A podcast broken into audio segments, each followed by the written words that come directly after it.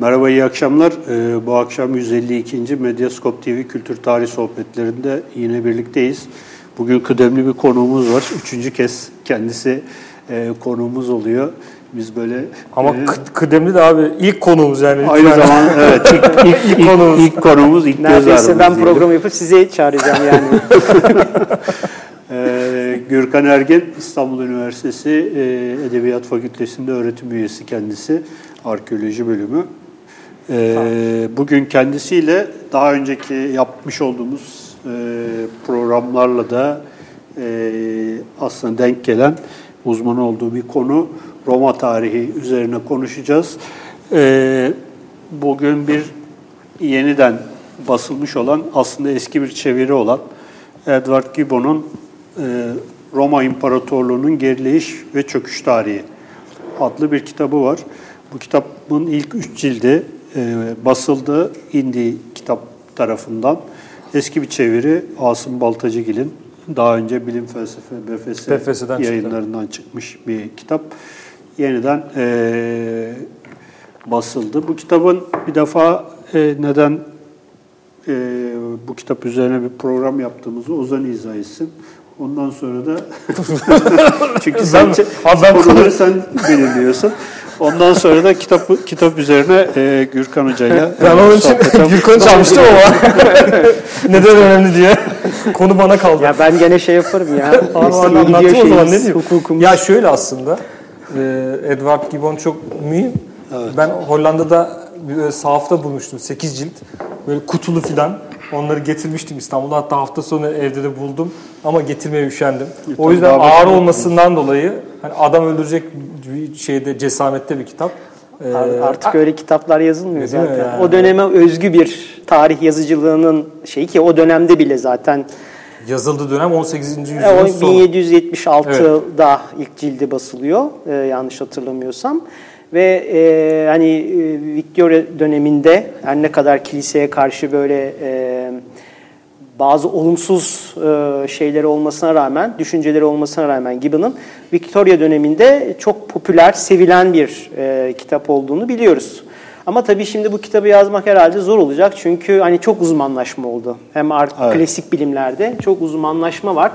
Dolayısıyla bu kadar geniş bir kapsamı olan bir kitabı yazmaya kalksanız herhalde çok fazla size katkı gelecektir, eleştiri gelecektir. Yani oradaki o dönemin tarih yazıcılığını artık bu dönemde bulmak zor. Böyle bir işe girişmek çok zor bir iş. Ama o dönemde işte insan kıskanmıyor değil tabii.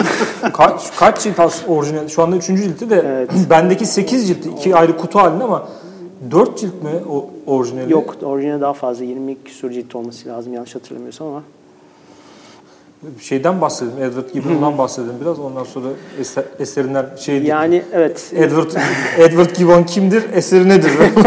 Budur aslında. Uzatay gibi oldu. Ee, yani Gibbon'un e, hayat hikayesi tabii yazdığı eserle de ilişkili. Aslında e, zengin bir ailenin çocuğu, iyi e, bir ailenin çocuğu olarak dünyaya geliyor ve e, Oxford'da falan e, okuyor. Fakat e, bir zamanlarda işte e, Katolik ye de bir merakı oluyor. Orayla da ilişkisi oluyor ama bu kısa sürüyor.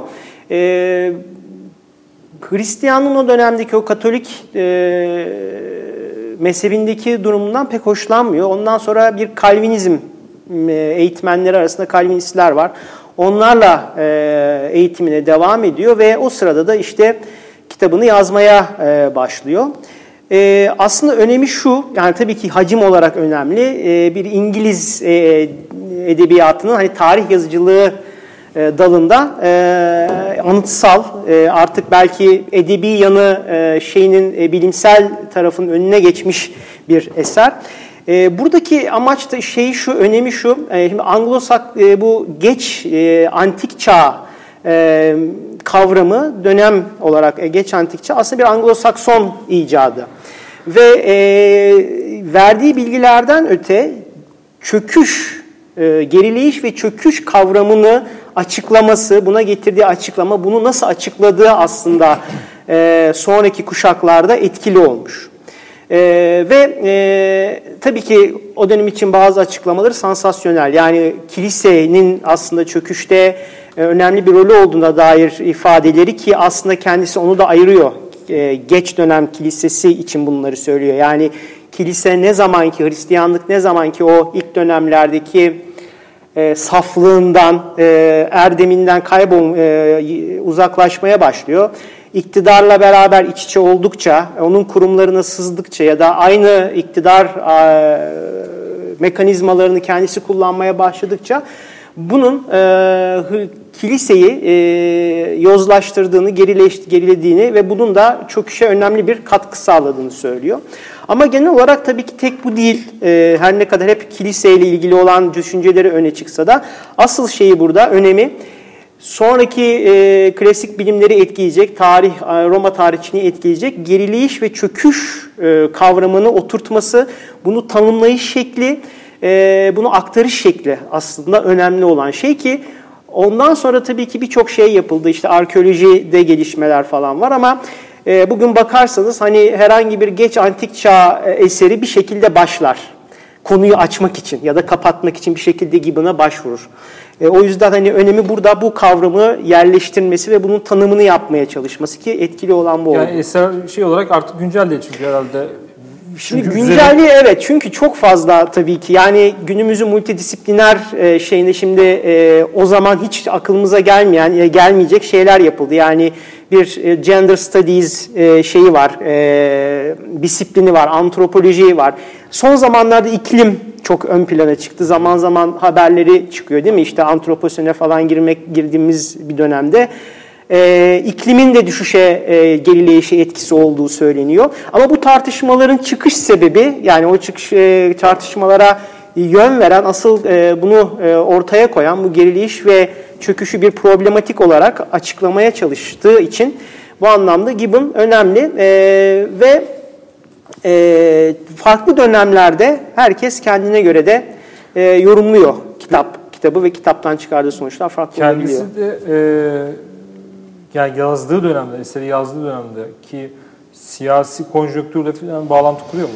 Evet yani Çünkü bu aslında daha... evet evet yani aslında gerileyiş ve çöküş tarihiyle ilgili yazılanlara baktığınız zaman diğer tarihçilere Gibbon'dan sonra yani e, ilk aklıma gelenler işte Otto Seig yazdığı zaman bir e, kültürel Darwinizm tartışmaları var. Darwin'den etkilenen. E, gerileyiş ve çöküşü ona e, şey yapıyor, atfediyor. Yani e, gerçek Romalıların e, nüfusen azalmaya başladığı ve o yozlaşmanın nesilden nesile korkaklığın nesilden nesile aktarıldığına dair bir iddiası var. Rostozev, Mihail Rostozev bu 1918 devriminden İsviçre'ye falan kaçıyor. Sonra Amerika'ya geliyor. O bu kendi şeyine bakarak, kendi penceresinden bakarak aslında e, bu Bolşevik devrimini, 1918 devrimini e, eleştirip e, geleneksel aristokrasinin, Roma aristokrasisinin aslında kaybolmaya başladığını, o yüzden çöküşün olduğunu iddia ediyor. E, şimdi ise e, daha ziyade tabii birden fazla neden var aslında. Tek bir neden artık ya da bir iki nedenden bahsedemeyiz. E, fakat disipliner olarak baktığınız zaman çöküşün artık e, hangi bölgeyi incelediğiniz, eğitiminiz hangi alanda eğitim aldığınıza göre artık farklı şekilde açıklanabileceği bir durumdayız. Çünkü e, bu çalışmalarda artık daha çok bölgesellik, yerellik mesela çok ön planda. Yani Mısır'ı çalışan birisi hayır çöküş buraya pek uğramadı, şey, gerileyiş buraya pek uğramadı diyebilir. Ama e, imparatorluğun batı eyaletlerini çalışan birisi bunun tam tersini iddia edebilir. Yerel olarak baktığınızda farklı bir şey görüyorsunuz, genel olarak baktığınız zaman farklı bir şey. Eğer siz Weber gibi kurumlara, ekonomiye e, vesaireye daha çok önem verirseniz o zaman gerçekten 476'da bir şeylerin bittiğini de, de söyleyebilirsiniz. Ama onun yerine inançlara, fikir dünyasına falan e, şey yaparsınız. Sanata e, daha çok önem verirsiniz. Bu belki de e, o şeyin dönemin uzatılabileceği anlamına e, geliyor. Dolayısıyla e, Gibbon bunu 1453'e kadar e, devam ettiriyor. E, fakat bu e, o zaman da eleştirilen bir şey ve takip edeni de yok. Ama yolu açan o. Ama artık gerileyiş ve çöküşün e, yorumlanması e, çok nereden baktığınıza göre biraz değişiyor. Ve tek nedenle ya da bir iki nedenle e, açıklanabilecek bir şey olmadığını söyleyebiliriz rahatlıkla evet. artık. Yani Gibbon gibi artık sadece Hristiyanlığı ya da başlıca Hristiyanlığı suçlayacak durumda değiliz. Çok daha başka sorunlar ön planda olduğunu düşünebiliriz, söyleyebiliriz evet. açıkça. Burada zaten e, birinci ciltten sonra, birinci cildin sonunda o Bizans'a geçiyor. E, maceranın önemli bir kısmı Doğu Roma'da hani hı hı. devam ediyor anladığım kadarıyla. Tabii diğer ciltler henüz basılmadığı için.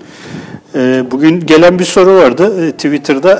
Şimdi oradan bir devam edelim bir, bir takipçi demiş ki ya Civilization'ın bilmem kaçıncı bölümünde 1450'lerde din yüzünden Roma çöktü gibi bir şey şeye geliyoruz gibi. Aslında bir yandan yani buradan yola çıkarak esprili bir konu ama mesela e, Gibbon'un e, tavrı da biraz böyle değil mi? Yani dinle bu çöküş Hristiyanlıkla e, bu çöküş arasında evet. bir bağ kuruyor. Evet. E, bunun onun Kalvinizmle olan ilişkisi, aydınlanma e, fikriyle olan ilişkisi üzerinden evet, nasıl aydınlanmacılıktan etkilendiği için böyle bir e, şeyi var. Hristiyanlığa karşı belli bir mesafesi var ama e, o dönemde yazıldığı dönemde tabii kiliseden eleştiriler var. Ama övgüler de var. Hatta bir e, şey e, psikopos yani e, e, e, en iyi kilise tarihini yazan aslında kiliseyle ilgilisi olmayan birisi diye de övgüde de övgü de düzüyor aynı zamanda.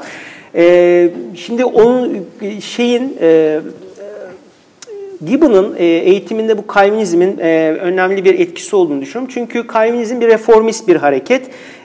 Öğretmenlerinden Calvinist olanlar var ve amaçları işte Hristiyanlığı bu kilise etkisinden, bağnazlıktan kurtararak işte e, ilk dönemlerindeki o saf, daha temiz, daha erdemli haline döndürmek. Öyle bir e, bakış açıları var. Ve Gibbon da e, o dönemdeki bu kilisenin durumundan e, herhalde şey yaparak, biraz da e, hoşlanmayarak, Evet Hristiyanlığı burada eleştiriyor ama Hristiyanlığı eleştirdiği zaman şu Hristiyan ne, Hristiyanlık ne zaman Konstantinus'un e, Hristiyanlığı resmi devlet dini olarak kabul etmesinden sonra ya da e, giderek Konstantinus'un verdiği e, ne derler özellikle ya da çeşitli imtiyazlarla güçlenmeye başladığı zaman ne zamanki iktidarla hemhal oluyor, ne zaman iç içe olmaya başlıyor, ne zaman e, iktidarın mekanizmalarına sızıyor da mekanizmaları direkt kullanmaya başlıyor. İşte o zaman bir yozlaşma söz konusu oluyor. Eğer kilise o birinci ve ikinci yüzyıldaki özellikle e, saflığını, e, çalışkanlığını, enerjisini, ruhunu eğer şey yapabilseydi, koruyabilseydi, eğer iktidarla olan e, ilişkilerini belli bir mesafede tutabilseydi, bunun olmayabileceği konusunda zaten onu söylüyor. Yani diyor benim de e, diyor e, şuna eleştiriyor. Hristiyanlığa bir din Tanrı tarafından e, şey yapılmış. Onun sözüne karşı bir şeyim yok. E, itirazım olamaz. Ama o sözü burada yaymaya çalışanlar, yayanlar asıl e, onu e, memurları, piskoposları, şeyleri, o mekanizma, kilise mekanizmasına benim bir itirazım var. Onun e, Konstantinus'tan sonra geldiği nokta aslında diyor çöküşe e, bir katkı sağlamış evet. diyor. Şeyi bu, düşüncesi bu. O yüzden hani o anlamda Calvinizmin şeyini e, hani o düşünceyi biraz yansıtmış olduğunu söyleyebiliriz. Kilisenin ilk dönemlerine aslında birazcık e, övgü dizerek. Bir de tabii şey de var. Ee, programdan önce konuşurken sen bahsetmiştin ama kendi dönemi içinde de siyasal e, gündeme göndermeler var. Mesela İngiltere'nin İngiliz İmparatorluğu'nun Evet diyelim. yani şöyle tabii, Amerika ile ilişkileri. E, şöyle bir şey ben hep söylediğim bir laf vardır aslında benim lafım değil ama e, Roma'nın sorunu yani sorun da demeyelim de laneti belki bir model imparatorluk olması. Yani her e, kendisini imparatorluk olarak gören, dünya hakimiyetine e, meyleden, böyle bir iddiası olan her e, imparatorluk öyle ya da böyle bir şekilde Roma ile kendisini özdeşleştirmeye çalışıyor. Onlardan bir şeyler alıyor ya da devamı olduğunu iddia ediyor. Ee, böyle olduğu zaman tabii ki Roma'nın e, bir lanet var üzerinde. Ve e, aslında burada da öyle. Çünkü Roma'nın çöküşü, aynı doğuşu, imparatorluğa geçiş ya da Cumhuriyet dönemindeki olaylar gibi her dönemde farklı şekilde e, yorumlanabiliyor. E, Gibbon'un döneminde işte Amerika'da bir bağımsızlık savaşının olduğu bir dönem. İngiltere'den kopma durumu söz konusu ve e, Gibbon da burada e, bu durumun yani e, kendi çağdaş döneminde, kendi dönemindeki e, Amerika'daki durumun geriliş ve çöküşle belki paralel okunmasını e, okunabileceğini düşünmüş olabilir ki sonra yüzyıllar sonra aynı şekilde Winston Churchill de e, kendisi anılarında e, Gibbon'ı e, hiç şeyinden ayırmadığını, yanından ayrı, ayırmadığını e, söylüyor. Hindistan'da falan okuduğunu hep söylüyor ve e, orada da tabii ki e, Hindistan artık yavaş yavaş değil mi o dönemde e, İngiltere İngiliz İmparatorluğundan hani kopmaya çalı, kopmaya başladı ya da kopacağı bir dönem, sorunların yaşandığı bir dönem. Dolayısıyla Roma İmparatorluğundan çöküşüyle, gerileyişiyle o dönemin işte kim ne zaman okuduysa onların kendi şeyleri arasında hep böyle bir benzerlik var. Rostovzev'te ya da e, başka şeylerde olduğu gibi herkes e, kendi döneminin koşulları e, içinde okumasını yapıyor. bu yani romanın artık yani nerede yani kriz, her kriz varsa Gibbon orada. Kriz olduğu zaman gene Roma'ya karşılaştırılıyor. İşte e, Cumhuriyet'ten imparatorluğa geçişte aynı şekilde gene aynı şeyler söz konusu, durum söz konusu. E, yani Roma'nın önemli dönemleri, önemli siyasi evreleri hep bir şekilde e, o dönemi okuyan kişiler tarafından kendi e, şeyleriyle, siyasi durumlarıyla karşılaştırılıyor. Ama şeyde e, referans verebilecek gibi değil ki Cumhuriyet dönemi var. Cumhuriyetten işte imparatorluğa geçiş dönemi var. Hani şey bile söylerken e, Star Wars'a bile gönderme yapabilirsin orada işte Star Wars'ta da şey var ya Cumhuriyet dönemi sonra imparatorluğa evet. geçiyorlar falan. Yani sürekli yani, yani mitolojiyle şey, böyle bir mitolojisi var. Evet. Evet evet. Yani yarattığı bir mitoloji var yani. Evet işte o e, şeyinden dolayı bu e, model olmasından dolayı böyle bir e, ister istemez e, lanete uğramış durumda yani ama Osman, Osmanlı'da bile işte Kaiser Rum şey e, Evet. E, evet Amerika'da aynı şekilde yani e, orada da e, giderek tek dünya devleti olmaya gidişi işte 2. Dünya Savaşı'ndan sonraki durum giderek e, kabuğundan çıkarak 2. Dünya Savaşı'ndan sonra e, genişlemesi, e, refahı falan gene Roma'nın hani Cumhuriyet'ten imparatorluğa geçiş durumuyla durumuyla şey yapılıyor, karşılaştırıyor. Öyle ki bazı e, şeyler e, bilim insanları, tarihçiler yani e, çöküşten bahsediyoruz madem. Grakuslara kadar da dön şey yapabiliyor, çekebiliyor Cumhuriyet'e kadar. Niye? İşte bitmeyen bir sınıf çatışmasının ilk defa ortaya çıktı ve bu anlamda sınıfların mesela Rostovzev'in Rostovzev'in duruşu o. Sınıflar arasındaki farklar kayboluyor ve e, yönetici sınıflarla e, alt sınıflar arasındaki şeyler kayboldukça farklar o aristokrasinin gücü, e, enerjisi falan kayboluyor, sıradanlaşıyor. E, Amerika'nın da 2. Dünya Savaşı'ndan sonraki işte e, yükselişiyle Roma'nın Cumhuriyet'ten imparatorluğu geçişi arasında. arasında da böyle bir şey var. Yani çok güç bizi yozlaştırır mı, yozlaştırmaz mı? Böyle bir dünya imparatorluğu ya da işte dünya hakimi bir devlet olmaya gitmek iyi bir şey mi, kötü bir şey mi? Tartışılan şeyler. Hatta filmlere bile zaman zaman konuluyor. O dönemdeki Ali'lerin 60'ların Roma ile ilgili filmlere bakarsanız. Nasıl? Biraz böyle. Biraz aç Filmler. Yani şeydeki gibi e, Ben Hur'da vesairede böyle bir e, şey var. Yani e, imparatorluğa geçişle beraber o imparatorluğa geçer geçmez aslında Gibbon'un da dediği şu. Yani asıl değerler Cumhuriyeti Roma'yı Roma yapan değerler Cumhuriyette kaldı. Hı hı. Aristokrasi değiştikçe, e, farklılaştıkça burada şimdiki yorumlarda mesela başka yorumlarda sorun burada şey e, aristokrasinin Hristiyanlık değil, aristokratların Hristiyanlığı kabul edip etmemesi değil ama e, değişen yönetim biçiminin, yeni e, değişen yönetim biçimi ve e, toplumdaki nüfus hareketlerinin yeni bir aristokrasiye yol açtı. Bunun şeyin dışında tutuyorlar. Mesela Hristiyanlığın dışında tutuyorlar.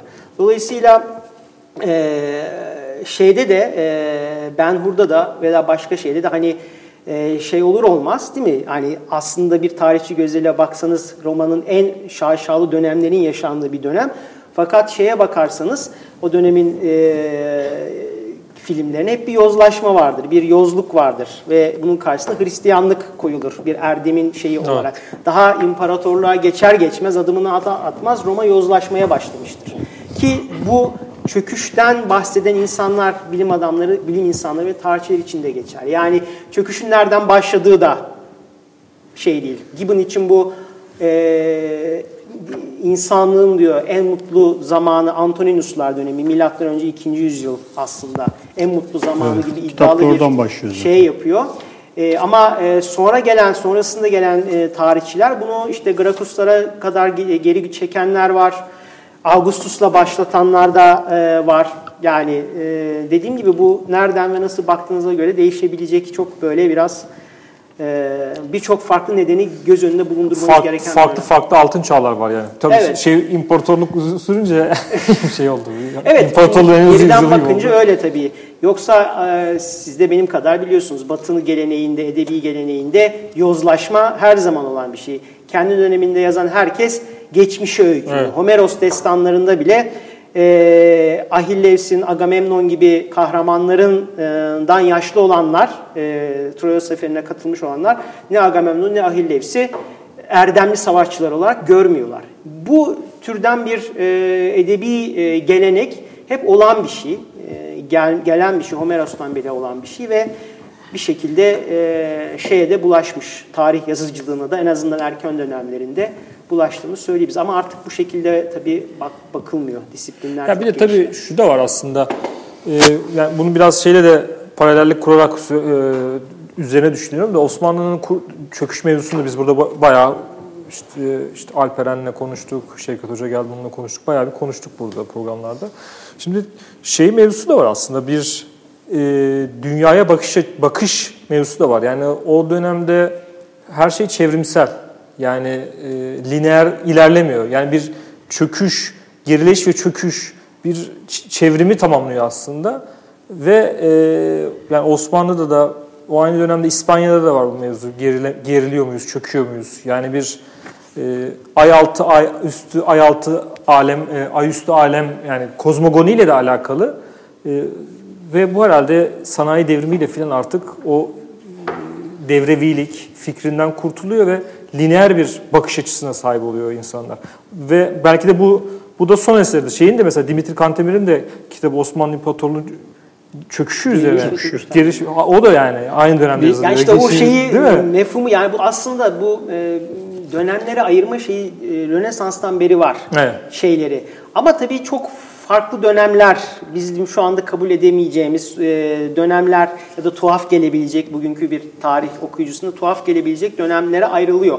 Böyle bir dönemsellik var ama bu bir sürecin bu şekilde bir e, edebi bir şekilde böyle çok canlı bir şekilde ortaya koyulup bunu bir mesele haline getirilmesi yani yoksa ben tabii ki şey demiyorum bunlar hani e, bir çevrimlikten ziyade şimdi Gibbon da şey değil hani bunu bir kendisinin önceki e, kendisinden önceki e, bu birikimi alarak e, bunu bir alışkanlık olarak söylemiyor. Elinde veriler var. Çünkü 8000'in üzerinde kaynak göstererek yapıyor bu işi. Yani bazı olgulara dayandığı bir doğru. Fakat tabii ki onu yanlışlayan şey dönemin o dönemdeki onun bakış açısı ve sonraki e, arkeolojide falan e, yazıt biliminde özellikle arkeolojide e, ki e, muazzam ilerlemeler. Çünkü şimdi bakmaya kalksanız sırf tarih eserlerini okuyarak bakmaya kalkarsanız farklı bir yerdesinizdir. Arkeolojiye bakarak e, okumaya çalışsanız, çalışırsanız çöküş dönemini farklı bir yere geliyorsunuz. E, tarih okuyanlar, sanata bakanlar belki bir devamlılık görebilirler burada. Çünkü tarihe baktığınız zaman, e, yazılı kaynaklara baktığınız zaman 466'da Ostrogotlar e, Roma'yı ortadan kaldırdıktan sonra Teodorik eski e, oyunları, şey oyunları, Roma'nın dini oyunlarını devam ettiriyor. Ravenna'da kendine yaptırdığı saray, şey ne derler, mozole, mezar anıtı Roma'nın doğrudan şeyi vesaire vesaire birçok kurumlarına şey yapıyor. Yazılı olarak bakarsanız diyebilirsiniz. Ha yani Roma'nın gelenekleri devam ediyor da antik e, şey kültürün devam ettiğini bu şekilde söyleyebiliriz. Ama arkeolojiye baktığınız zaman mesela çok farklı şeyler görüyorsunuz bu seferde. E, bir bakıyorsunuz tamam İtalya'da falan e, tarihçiler biraz şeyi pek hoşlanmıyorlar sanırım. Hani bir şeyin bir tip yeni bir şey yani o tamamen ortada kalması. Dönüşüm o eski şeyin devam etmesi onlara daha kabul edilebilir geliyor. Bir devamlılığın olması, o eski şeylerin, alışkanlıkların klasik dönemle ilgili devam etmesi onları biraz rahatlatıyor bence. Ama Evet. arkeoloji olarak baktığınız zaman mesela e, şeyde bir düşüş var. Kemik analizlerinden bunu anlıyoruz. İngiltere'de ve Batı'da et yiyemiyor adamlar. Kalitesinde düşüş var, ticaretinde evet. düşüş var. Mesela bunu arkeolojiden biliyoruz, kemik analizlerinden biliyoruz. Gibbon'ın zamanında bunu bilemezdik mesela. Evet. Ee, ya da ne bileyim e, taş mimari neredeyse sadece kiliselerle sınırlı kalıyor evet. falan gibi şeyler. E, öyle baktığınız zaman e, başka bir tarih yazabilirsiniz. E, romanın gidişine büyük bir alt e, yazabilirsiniz ama tarih açısından yazılı kaynaklardan baktığınız zaman değil mi? E, Platon, Platonculuğun yeni bir şekil aldığını görüyorsunuz. Sanatın yeni bir şekil aldığını görüyorsunuz. E, farklı bir sinerji olduğunu söyleyebilirsiniz. Yani dediğim gibi e, Gibbon'dan sonra artık disiplinler olarak çok gelişildiği için e, farklı disiplinler oluştuğu için multidisipliner bir dünyada artık bunu Gibbon'ın e, şeyi gibi baktığı gibi tek bir şeyden bakmamız e, pencereden bakmamız çok zorlaşıyor. Hatta şimdi yakın zamanda e, Koç Üniversitesi yayınlarından bir kitap çıktı. Roma AŞ diye. Mesela onda da işletme mantığıyla nasıl değerlendirilebilir falan onun üzerinden gidiyor. Çok ilginç bir şekilde. Evet. Evet, evet yani şey işte dediğim gibi Weber falan öyle bakıyor. Yani e, üretim mekanizmalarının ortadan kalkması, barter sistemine geçişin yani paranın artık bir ifade etmediği çünkü çok de- değeri düşüyor paranın. Hmm. Dolayısıyla bunun artık e, işe yaramadığını, kurumların eskisi kadar güçlü olmadığını, e, falan söyley söylüyor ve bunun aslında sorun teşkil ettiğini söylüyor. Ama bir yandan da diyebilirsiniz ki sorun hani ne Hristiyanlıkta ne de başka bir şeydi. Her şey imparatorun çevresinde gelişiyor ve imparatorlarla ilgili sorunlar birinci yüzyılda da vardı aynı sorunlar. Aynı riskler birinci yüzyılda da vardı. Yani e, bazı şeylerin aslında sorun e, Antoninuslardan ikinci yüzyıldan sonra başlamıyor bazı şeyler. Zaten hep risk olan şeyler. Ama bu risk ler e, belli tarihin belli bir döneminde farklı faktörler yüzünden kırılganlık yaratıyor. Nedir? İşte Augustus'ta e, ciddi bir hastalık geçirdiği ve öleceğe inanıldığı zaman Panonya'daki orduların ayaklanmaya kalktığını biliyoruz. Mesela hmm. Augustus gibi yani işte artık e, imparatorluğun refah e, en zengin olduğu dönemlerde, en güçlü olduğu dönemlerde böyle şeyler oluyor. Tiberius bastırmaya e, gidiyor, sakinleştirmeye gidiyor. Ondan sonra e, şeyin olmadığı bir şey yok, bir düzen yok. Yani resmi olarak e, bir e, saltanatın nasıl geçeceğine dair bir e, şey yok, bir kanun, bir yasa yok. Augustus'tan sonra bu Augustus'a ait şeyin, o iktidarın diğer üyelerine üyelere nasıl aktarılacağına dair bir fikir yok aslında. Bu sonradan gelişen, gelişen bir şey. O zaman da eğer yıkılmak gerektiği yıkılmaktan bahsedeceksek o zaman da olabilirdi. Ama e, bu türden e, şeyler, e, sorunlar e, belli bir şeyden sonra artık e, farklı faktörlerin ki romanın da bunda e, dahil olmayan, suç olmayan ya da ne diyeyim kendisinden kaynaklanmayan şeyler. İşte e, Gotların, daha sonra da Hunların şey yapması, önlerindeki e, kavimleri baskılayarak e, güneye indirmeleri ve Roma'nın burada hiçbir şey yapamaması ya da yaptığı te geleneksel tedbirin hiçbir işe yaramaması. Çok büyük şeylerde nüfusla büyük bir popülasyonun aşağı inmesi falan gibi şeyler söz konusu. Ama tabii buna da çabuk şey verebiliyor, tepki de verebiliyor. Onu da takdir etmek lazım. Yani bir çöküşten bahsedebiliriz belki ama bir yandan da o çöküşün gecikmesi için Roma'ya hakkını vermek lazım. Çünkü mesela 378'deki bu e, Gotlarla yapılan e, Edirne Hadrianopolis Savaşı'ndan sonra hemen ertesi yıl Anadolu'da e, buradaki Gotlara karşı sefer düzenlenebiliyor bir yandan da. O yüzden e, belki daha erken olabilecek e, bir felaket e, yine de ve yine de e, belli açılardan romanın güçlü olduğunu görüyoruz. Yani o çöküş sürekli olarak aşağı doğru giden bir eğim görmek yerine farklı faktörlerin bir araya gelip bir dönüşüme sebep olduğu bir durumdan, bir siyasi, askeri, ekonomik durumdan söz etmek şu an için, tabii bu an için modern görüş biraz daha buna daha yatkın. Evet. Onda da dediğim gibi bölgeselleşme, farklı bölgelerde farklı şekilde e, yaşandığını görüyoruz. Üçüncü yüzyıl krizi Batı'yı çok fena vurmuşken Doğu'da, Mısır'da ya da işte Anadolu'da çok hissedilmiyor ya da az hissediliyor. Çöküş de aynı şekilde. Ee, doğu'ya çok uğramazken Mısır'a falan. Çünkü Peter Brown'un ünlü bizde de yayınlanmış olan bu e, geç antik çağ dünyasına baktığınız zaman aslında Batı'yı anlatır. Gibbon'un aksine Batı'nın çöktüğünü ama işte bir yeni bir sentezin ortaya çıktığını söylerken hep Mısır'dan, Tunus'tan örnekler verir. Sanatından vesairesinden örnekler verir. Dolayısıyla hani farklı yerlerde, farklı şekillerde bakabilirsiniz olaya.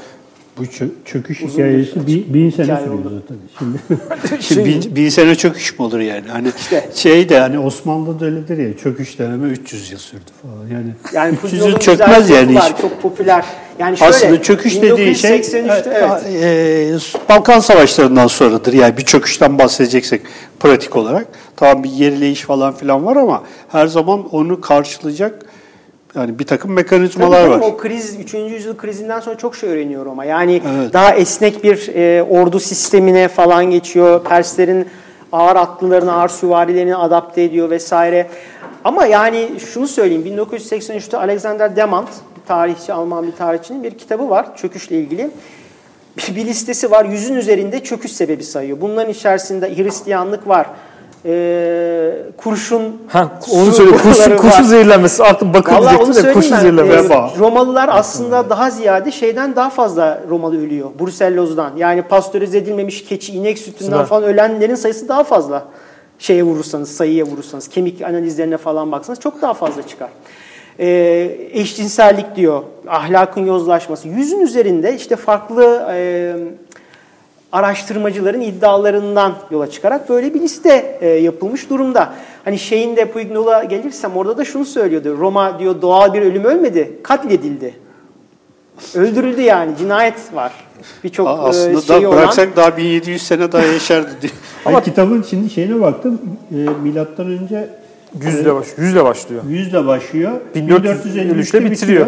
1600 yıl. Şimdi 1600 yıl gerileme ve çöküş tarihi mi olur ya? Bir de tabii şu, şu da var.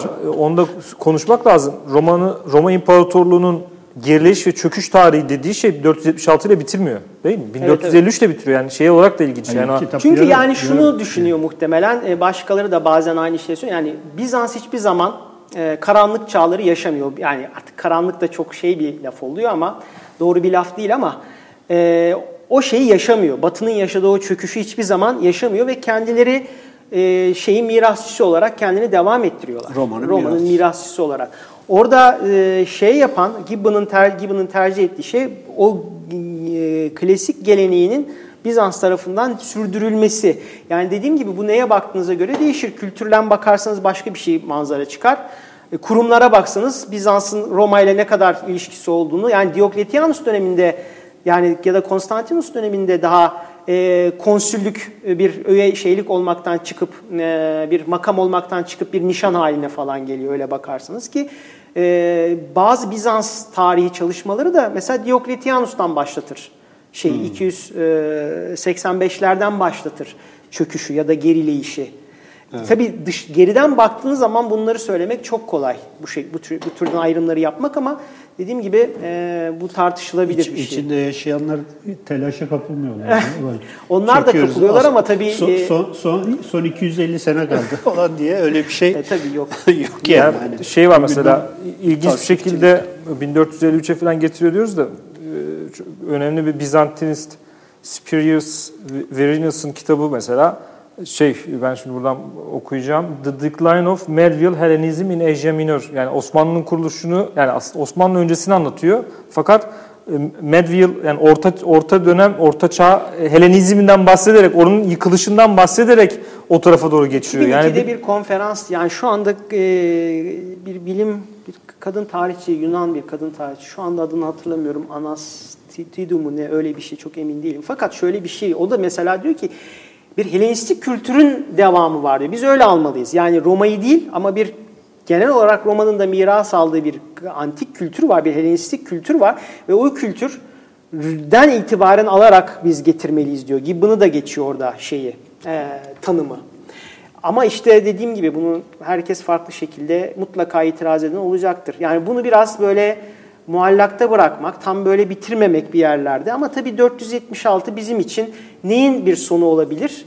Ee, bir bütünlüğün ortadan kalktığı, bir bütün olarak e, şeyin ortadan kalktığı bir Roma evet. e, devletinin bir bölgeler üstü bir e, birlikteliğin ortadan kalktığı. Tabii ki Theodosius 395'teki e, ikiye bölünüyor ama en azından kağıt üstünde her ne kadar Doğu ve Batı imparatorları her zaman birbirlerinin yardımlarına koş, koşmuyorlar kendi hı hı. sebeplerinden dolayı ama bir tanınma durumu söz konusu. Birbirlerini tanıma durumları söz konusu. Ee, kanun derlemeleri, kanunlarda bir ortaklık söz konusu vesaire söz konusu. O yüzden yine ve yine illaki bir yerde bir rengi noktası koyulacaksa 476 e, yine de belki makul bir e, şey olarak alınabilir ki daha çok da alınıyor zaten. Evet. Ama bu idari bir şeyin sonu. Evet. Bir devlet olarak bir şeyin ortadan kalkması o anlamda. Kültür olarak?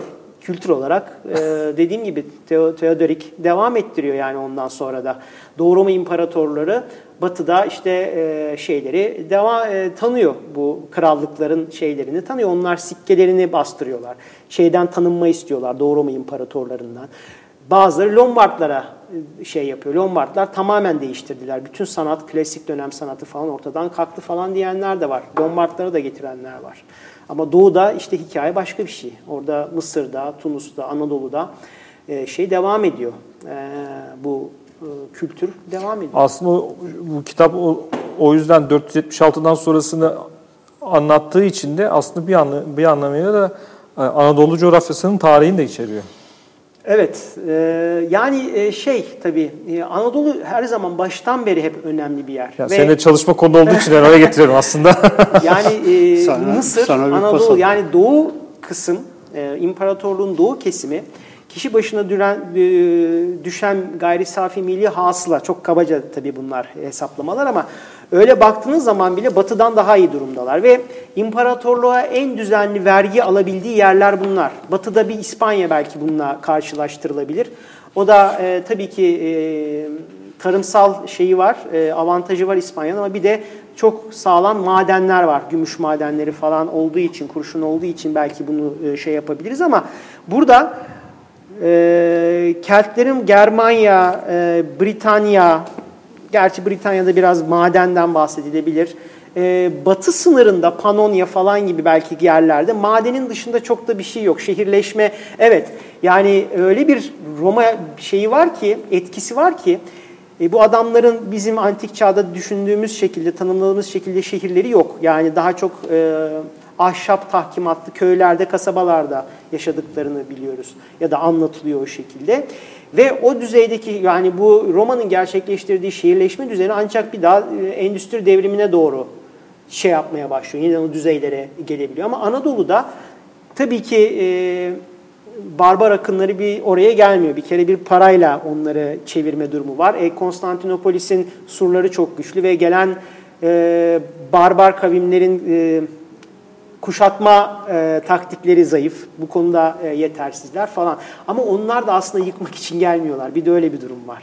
Yani her ne kadar Gibbon bunu e, barbarlara da bağlasa, diğer bir önemli e, şey olarak imparatorluğun kültürel anlamda ya da idari anlamda da barbarlaşmasından dem vuruyor. Bundan yakınıyor. Fakat aslında onlar da buraya, e, Roma'ya e, tamamen burayı ortadan kaldırmak için değil, Romalı Roma'nın nimetlerinden faydalanmak üzere geliyorlar aslında. Sorun burada Roma'nın e, iyi bir politika izleyememesi. İyi evet. bir politika izleyememesi. Bir onları bir yerleştirme politikasını, bir adaptasyona bu kadar büyük sayıdaki şeyleri e, karşılayamaması. Tabii bunda bir şeyi de söyleyebiliriz. E, sınırları ötesinde olup bitenlerden Romalılar çok şey değiller e, haberdar, haberdar değiller. değiller. Öyle bir sorun var. Yani istihbarat konusunda çok sıkıntılılar. Bir anda kapılarında çok çok farklı e, şeylerden, e, boylardan kavimler falan belirliyor. Bunların geldiğine dair, gelebileceğine dair bilgileri de çok kısıtlı. Belli bir hazırlığın olmadığını da söyleyebiliriz belki bu anlamda. Şimdi bu kitabın e, temel şeyleri yani Şöyle. temel yaklaşımlarından bir tanesi bu çöküşte dinin etkisi üzerine Geçen biz Ozan'la da bu mevzu... Hristiyanlığı şey yapmayacağım. Bu mevzu ama. biraz... evet yani e, Ozan'la da bir konu oldu. Mesela bu Panteon bir tapınak ve her e, dini inançtan bir takım tanrıların oraya işte veya e, tanrı temsillerinin oraya şey yaptığını görüyoruz. Sonra Hristiyanlar geliyor. Kardeşim bunlar hepsi çöptür diyor. Bunları atın diyor. Bizim bir tane tanrımız var.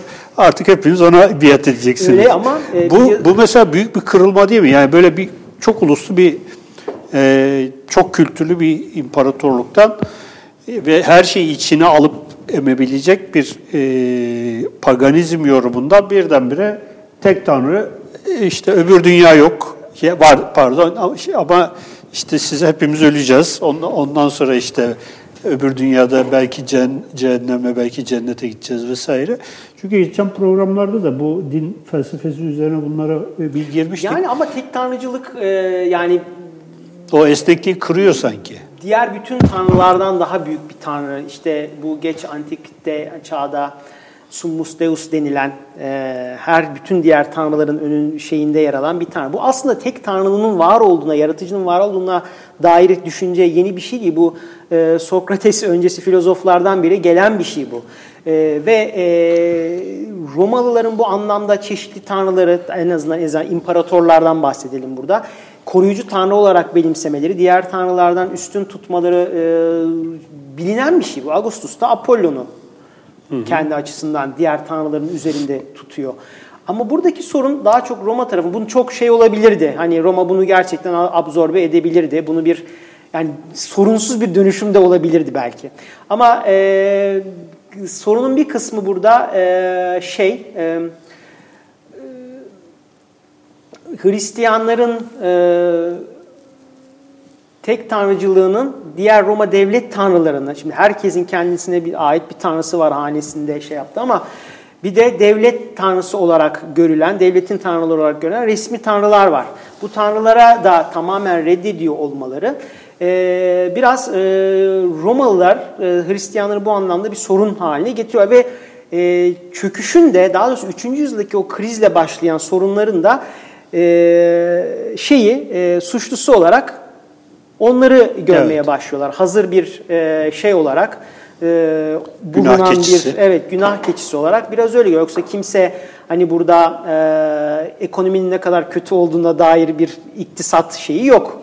Sonuç olarak verilerimiz yok. E, bunu ancak bu dönemde belki bunu ama şu da var. Şimdi Hristiyanlık bu şekilde e, şey olması sorun şurada. Daha çok yani idariden ziyade burada kültürel eğer antik çağın kültürel anlamda yozlaşması demeyeyim de o antik mirasın yitirilmesi e, ya da etkisinin yavaş yavaş kaybolmasından bahsedeceksek orada Hristiyanlığın belli bir şeyi var. Etkisi olduğunu söylemesek bir e, doğruyu söylemiş olmayız. Çünkü bir kere en basitinden bilgiyi e, elde etme, bilgiyi bulma, o yüce bilgiyi elde etme, erdemi elde etme için e, elde etmek artık kendinizin yapabileceği bir şey değil. Sokrates'in yaptığı gibi ya da takipçilerine şey yaptığı gibi artık tek ve mutlak bilgiyi kim bilebilir? Tanrı bilebilir. Siz bilemezsiniz bunu. Siz araştıramazsınız. Ama Sokrates ya da diğer başka filozofların yaptıkları buydu. Mesela bu türden bir şey, e, bakış açısı e, biraz e, bu ilerlemenin, düşünsel açıdan ilerlemenin önüne ket vurduğunu söyleyebilirim çok rahatlıkla. Çünkü o bilgiyi arama, erdemi arama, bilgiyi, yüce bilgiyi, hakikati diyelim daha doğrusu kendi çabanla, bir insani bir çabayla düşünerek, e, kendine dönerek, kendine özen göstererek elde edebileceğin bilgi, hakikat dediğimiz şey artık Verili. verili bir şey olarak ve sadece a, Tanrı'nın, Hristiyan Tanrısı'nın e, şeyinde, e, elinde olan bir şey. Mesela bu bence bir şey, bir klasik e, kü- kültürel geleneğinin e, bir anlamda gerileyişinde bir pay sahibi olabilecek bir durum mesela. Ama diğer yandan bakıyorsunuz şu, şu anlamda da belki romanın e, gerileyiş yani şeyinin uzun sürmesinde etkisi de var. Neden? Ee, Bir sosyal programı var Hristiyanlığın. Roma'da olmayan, hatta Antik Yunan'da olmayan bir program. Yani e, ben derslerde de anlatırım. Bütçe fazlasını Darül Ceze'ye verelim, çocuklara yardım olsun, işte bir sosyal şey kuralım, ona verelim değil. Bütçe fazlası olduğu zaman ya da savaşlardan vesaireden gelirler geldiği zaman bunları tanrılara tapınak yaparak ya da işte tabii ki kamu şeyleri falan hizmetleri de yapılıyor. Altyapı, üst yapı hizmetleri ama fakirlere, kadınlara, alt sınıflara doğrudan bir e, şey değil bu.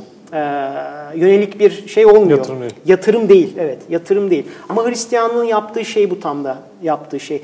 Roma'nın eksik kaldığı yanı, eksik kaldığı yanı e, tamamlayıcı bir tarafı da var bu anlamda. Ve bunu Roma e, içerisinden yapıyor. Ayrı bir şeyden yapmıyor. Dolayısıyla e, o e, alt sınıfları e, şey yapan, ihtiyacını karşılayan bir mekanizma var. İmparatorluğun içerisinde imparatorluğun yapmadığı bir şey yapan. Tek eşli olun diyor. Çünkü Roma'da kadınların durumu belli antik çağda. Yani siyasi e, şeylerle, e, ekonomik nedenlerle aileler arasında kadınlar e, bir anlaşma, bir sözleşme şeklinde şey oluyorlar, evleniyorlar değil mi? Bakın imparator ailelerine. Augustus'un kendi ailesi öyle. Onu ondan boşanıp ondan evleniyor evet. kızı vesaire. Dolayısıyla e, bunun bir şeyi var, karşılığı var. E, antik ölümden sonrası için net bir vizyonu var Hristiyanlığın. Roma'da ya da antik Yunan'da olmayan bir vizyonu var. Orada daha muğlak olan e, o işte cennet kavramı çok muğlak e, bir şey. Evet bir tane cennet var ama e, herkes Hades'e gidiyor aslında. Cennete giden ya da işte Elizyon dedikleri o ülkeye gidenler kahramanlar bir kısmı belki. Sonuçta bu türden bir vizyonu olan, e, böyle bir mekanizması olan değil mi? Çünkü tek tek her bir e, Hristiyanlığın şeyi o değil mi? Cemaati olması. Evet. Değil mi? Hem koyunların tamamından hem de tek bir koyundan aynı Musa'da olduğu gibi sorumlu olmanız. E, bu türden birebir şeyler, e, ilişkiler, kurulan ilişkiler e, ve itiraf mekanizmasının, günah çıkarma mekanizmasının olması e, Hristiyanlığı bir anlamda e, işte Roma'da eksik olan bir şeyi tamamlı, tamamlıyor. O anlamda Hristiyanlığın bir katkısı olduğunu söylemekte şey yok. Evet zenginleşiyorlar sonrasında çok zenginleşiyor. Eleştiriler var. O zaman da ne? Evet biz zenginiz ama bunu neye harcıyoruz? Fakirlere harcıyoruz gibi bir e, şeyle, bahaneyle o zenginleşmeyi de bir şekilde makulleştirebiliyorlar kendi açılarına ya da bu şekilde anlatabiliyorlar. Tabii sonrasında aslında bir e, senteze ulaşıyor herhalde. Kutsal Roma ve Cermen üçlemesiyle beraber. Çakma Roma şeklinde. Yani evet ama şu da değil. Yani paganizm e, şu değil. E, bitmiş falan da değil 476'da kesilmiş falan değil. Çünkü biz biliyoruz. E, Agustinus yakınıyor e, şey bazilikasında, St. Peter bazilikasında bakanalya şenlikleri falan yapılıyor. Bu ne iş? Son e, pagan hala 426'larda pagan tapınakları falan var. Yani e, hatta şeyde mesela Justinianus da e, kitap falan yaktırıyor. Kutsal e, Anadolu'da falan yakılan kitaplar biliyoruz. Pagan kitaplarının varlığını falan. Yani, yani o, o da şey değil ne derler birebir kesilmiyor yani bir şeyde. O, o, o şey bir durum aslında yani işte Konstin, e, Konstantin'in kabul etmesi yahut da bir, bir organizasyonun yani devlet gibi bir organizasyonun çökmesi o işlerin hemen öyle o, o anda o o dakikada bitti anlamına gelmiyor. Yani işte tabii, tabii, sürekli zaten, sürekli evet. alttan altta devam ediyor. Çünkü kültür bir de şey var. Şu andaki gibi değil her şey. Ee, kültür e, kültür. Ee, hepsi birbirinden yalıtılmış yerler var. İşte bugün bugün Twitter'da gördüm. 1950'lerde mi? O 50'lerde galiba. Ya 50'lerde ya da 40'larda Van Başkale'de 200-300 hanelik bir e, Yahudi nüfusu varmış. Yani oranın yerlisi. Yani çok ilginç geliyor mesela evet. şimdi. E, şimdi yok. Şimdi yok ama şey açısından baktığın zaman 50'lerde 60'larda öyle bir şeyin olması yani e, var tabii ki grubun olması yani, evet. bunlar hep birbirinden şey yalıtılmış şekilde yani devam ediyor. falan oralarda hala bu türden şey oldu e, gruplar oldu bunlara söz geçirilemediği ya da işte bunların şeye dönmediği Hristiyanlığa falan dönmediği gibi e, şeyleri okumanız mümkün. E, yazışmaları falan ya da kaynakları okumanız Hatta geçen mümkün. hatırlıyor musun e, Şevket Hoca programdan önce bahset konuşurken burada şey demişti. Şey için Sebek, Sebetikal için gittiği hocanın odasında Roma tarihçisiymiş. Kitapları karıştırırken bir tane kitap aldım karıştırdım diyor böyle. Şey diyor Roma valisinin Hristiyanlık döneminde Roma valisinin Anadolu'daki Roma valisinin raporları Bunlar işte diyor e, akşamleyin işte toplanıyorlar. Ondan sonra muhtemelen ahlaksız e, e, oturumlar yapıyorlar. Ondan sonra yani bugünkü aslında yani şimdi doğrudan söylemek lazım. İşte Alevilere falan e, atfedilen şeylerin aynısı yani birebir aynısı. Çok böyle şey gruplar, evet, ufak gizli, gruplar, tabii gizli kilise gruplar. falan sonra çıkıyor. Onlar kendi şeylerinde yapıyorlar ayinlerini. E, açıkta yapmıyorlar ama insanı mutlu hali derken Hristiyanlar için de belki daha mutluydu Antoniuslar zaman. Çünkü bu yazışmalarda e, şeyler, e, Antoniuslar, e, imparatorları şey diyor. Yani soruşturun. Yani e, sahte ispiyonlamalara falan şey yapmayın, soruşturun, e, işkence yapmadan şey yapmaya çalışın e, falan diyerek e, olayı hani bir şey ciddiyetinde, bir soruşturma ciddiyetinde götürün diyor. Hemen herkese bunu e, şey yapmayın diyor. E, böyle iftiralar atabilenler de olabilir başkalarından. Onlara bir karşılık olun. Dikkatli olun da diyebiliyor. Bir hoşgörü şeyi varmış tabii Gibbon'un dediği dönemde ama işte onun söylediğinden dolayı biz artık o dönemi, ikinci yüzyılı bir refah dönemi, imparatorluğun en tepede olduğu dönem olarak görüyoruz ama o kriz dönemlerindeki becerileri, oradaki e, şeyini, e, başarılarını da gözden kaybetmememiz gerekiyor. Yani o da bir büyük bir başarı. Evet. İmparatorluğu şeyden kurtarmak, e, o 3. yüzyıl krizinde şeyinden almak da büyük bir başarı. Yani. Evet. Bu resmi e, inanç anlayışının dışında kalan e, herkese bir iftira atma şeyi geleneği de, demek ki uzun uzun yüzyıllardır Roma, Roma dönemi, var, döneminden var, beri var, var olan yani bir çekiyor şeyde var. Evet. Yavaş yavaş toparlayalım. Evet. Bitti mi? Ee, hocam sizin e, söylemek istediğiniz, e, eklemek istediğiniz şeyler varsa onları da alalım tabii yani. Şeyi soracaktım, yani, e, oradan devam edersin. İngilizcesi nasıl? Yani bir tercüme olarak soruyorum. Bende de var hani ben, ben de İngilizcesi okudum. tamamı yok. Ee, Wordsworth, Wordsworth dilim dönmedi. Klasiklerinden bir e, kısaltılmış versiyon var. Böyle çok dilinde tabii ironi çok fazla. E, inceden alaylar falan var. E, edebi oyunlar falan. Yani e, o dönemin tarih yazıcılığı anlamında çok örnek gösterilen bir e, yazım, evet. yazım. Yani bir şey okuyorsunuz aslında. Tarih değil de öykü okur gibi. Ve Gibbon çok böyle hmm, söz oyunlarını falan çok güzel şey yapıyor. Şimdi bugün ben bunu şeye yapsalar, e, yüksek lisans öğrencilerim falan tezi yapsa ben yapma yaptırmam açıkçası.